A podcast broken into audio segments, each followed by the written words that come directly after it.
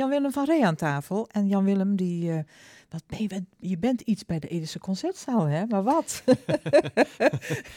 artistiek manager. Art, artistiek manager, ja. Met andere woorden, jij, uh, jij bepaalt wie er uh, allemaal gaan spelen bij jullie en wie er optreden. Klopt, met een commissie samen die ehm, met Johan van Markstein en Ronald Albers, die deels ook een eigen uh, specialisme hebben. Roland is onze pianoprogrammeur en uh, Johan doet uh, de orgelserie.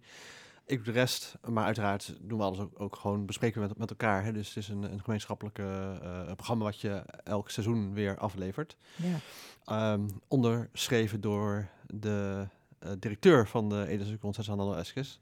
Ja. Ja, dus dat iedereen wel met de, de neus dezelfde kant op staat. Ja, precies. Dat is altijd wel de bedoeling. dat is heel belangrijk, ja. En dan werkt het ook allemaal beter natuurlijk. Absoluut. Ja, als er maar uh, optredens zijn hè, en, en uh, concerten. Exact. Het is, het is een rare tijd, hè, Jan-Willem? Heel onwerkelijk, ja.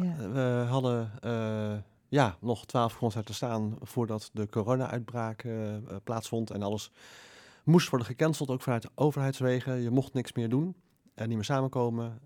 dus ja, dan vervallen ook alle concerten met pijn in het hart. Um, en toen was er de grote stilte.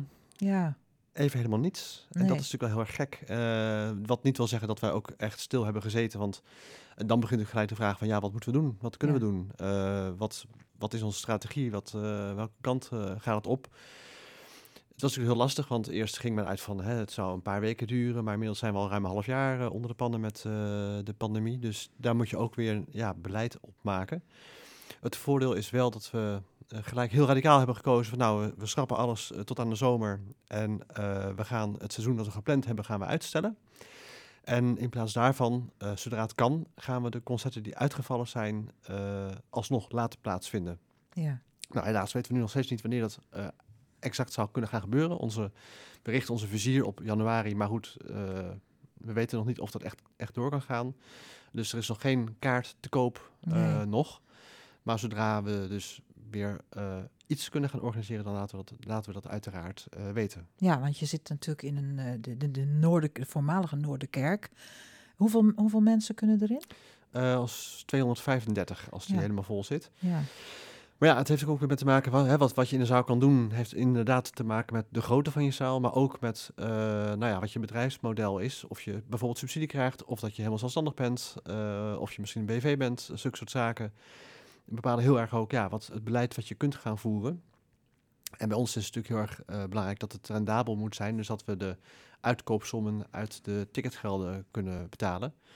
En ja, met uh, op anderhalve meter met 68 mensen in de zaal, dan wordt het wel heel lastig. Uh. Dat, wordt, dat, moeten dan hele dure tickets worden. exact. Dan moet het uit dan, de lengte... haal, dan haal je de mensen ook niet meer binnen. Precies, dan moet het uit de lengte of de breedte komen.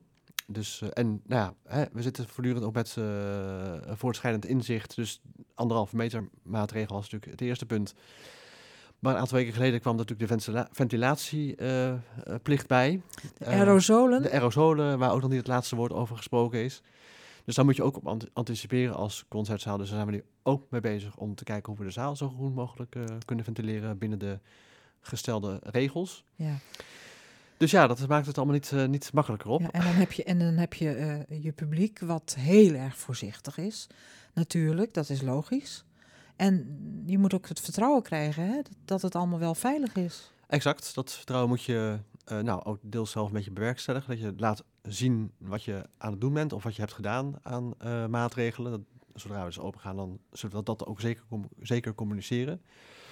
Um, en het, aan de andere kant, wat je zegt, hè, mensen zijn voorzichtig. Aan de andere kant krijgen we ook veel mailtjes van mensen die dan hopen hè, dat we weer snel open en kunnen. En zodra dat zo is, dan komen ze ook weer luisteren. Dus uh, voorzichtigheid inderdaad, maar ook heel veel wens van het publiek van nou dat we of we toch eindelijk weer eens een keer gewoon normaal uh, naar concerten kunnen gaan. Ja. Uh, ja. ja, nou doet Cultura met de theatervoorstellingen twee per avond. Dat betekent ook een, een, een best wel een zware uh, druk op de artiesten die erop treden. Hè? Ja, absoluut. Dus misschien moeten jullie dan ook meer concerten houden, laten...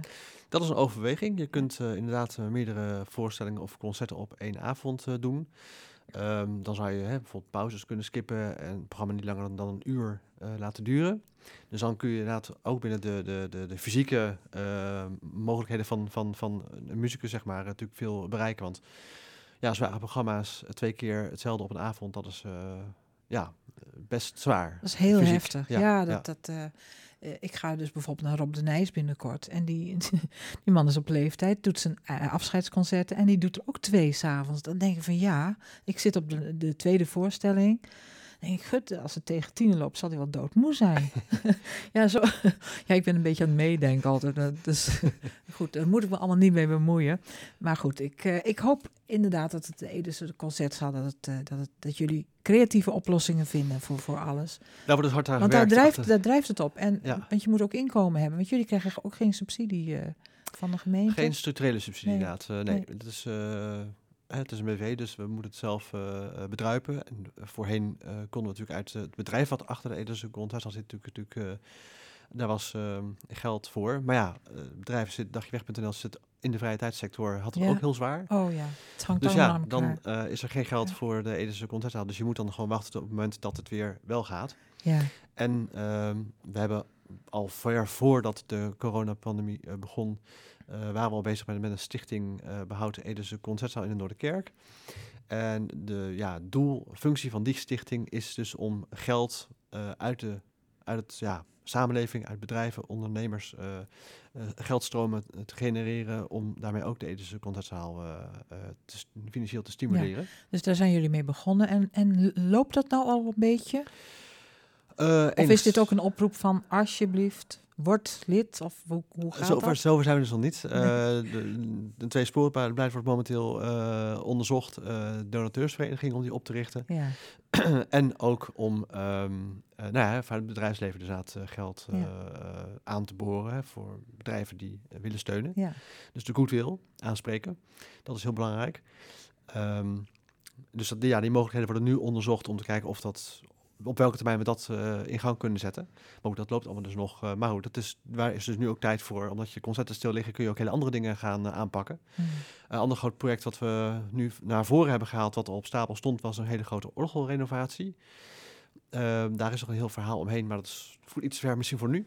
Maar we gaan het orgel, als het een beetje mee zit, in originele staat terugbrengen.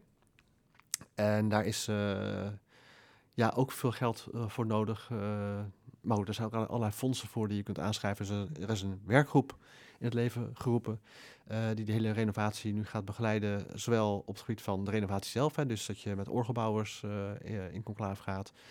Maar ook de hele uh, sponsorwerving daarvan. dat moet ook natuurlijk allemaal op worden gestart. Ja. Dus dat is ook een bergwerk ja. wat er weer afkomt. de Edische Concertzaal, veel betaalde krachten ook? Of is het heel veel vrijwilligers?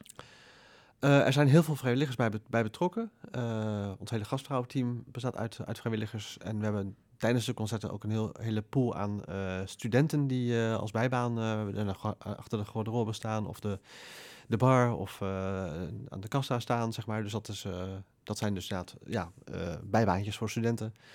En ik ben zelf natuurlijk wel volledig in dienst, in dienst van de Edese Concertzaal. En zover ik weet ook geloof ik een van de weinige vaste betaalde krachten. Ja, en terecht. Goed, Jan Willem, ik, uh, ik, hoop van harte en ik ga er gewoon vanuit, want jullie zijn allemaal professionele mensen, dat het uh, allemaal goed komt. En uh, dat we de coronatijd, na de coronatijd, of als er een goed medicijn is, dat het allemaal wat verbeteren gaat. En uh, daar ga ik gewoon vanuit. Precies, alles ligt klaar om uh, opgestart te worden. Dus zodra het kan, dan, uh, dan horen we het. En gaat dan, het gebeuren. En dan ga je gewoon hier lekker bij mij komen zitten. Exact. Om te vertellen dan wat, gaan we voor, wat voor mooie voorstellingen en concerten er zijn. Exact. In de Ethische Concertzaal. Jan-Willem van Ree, dank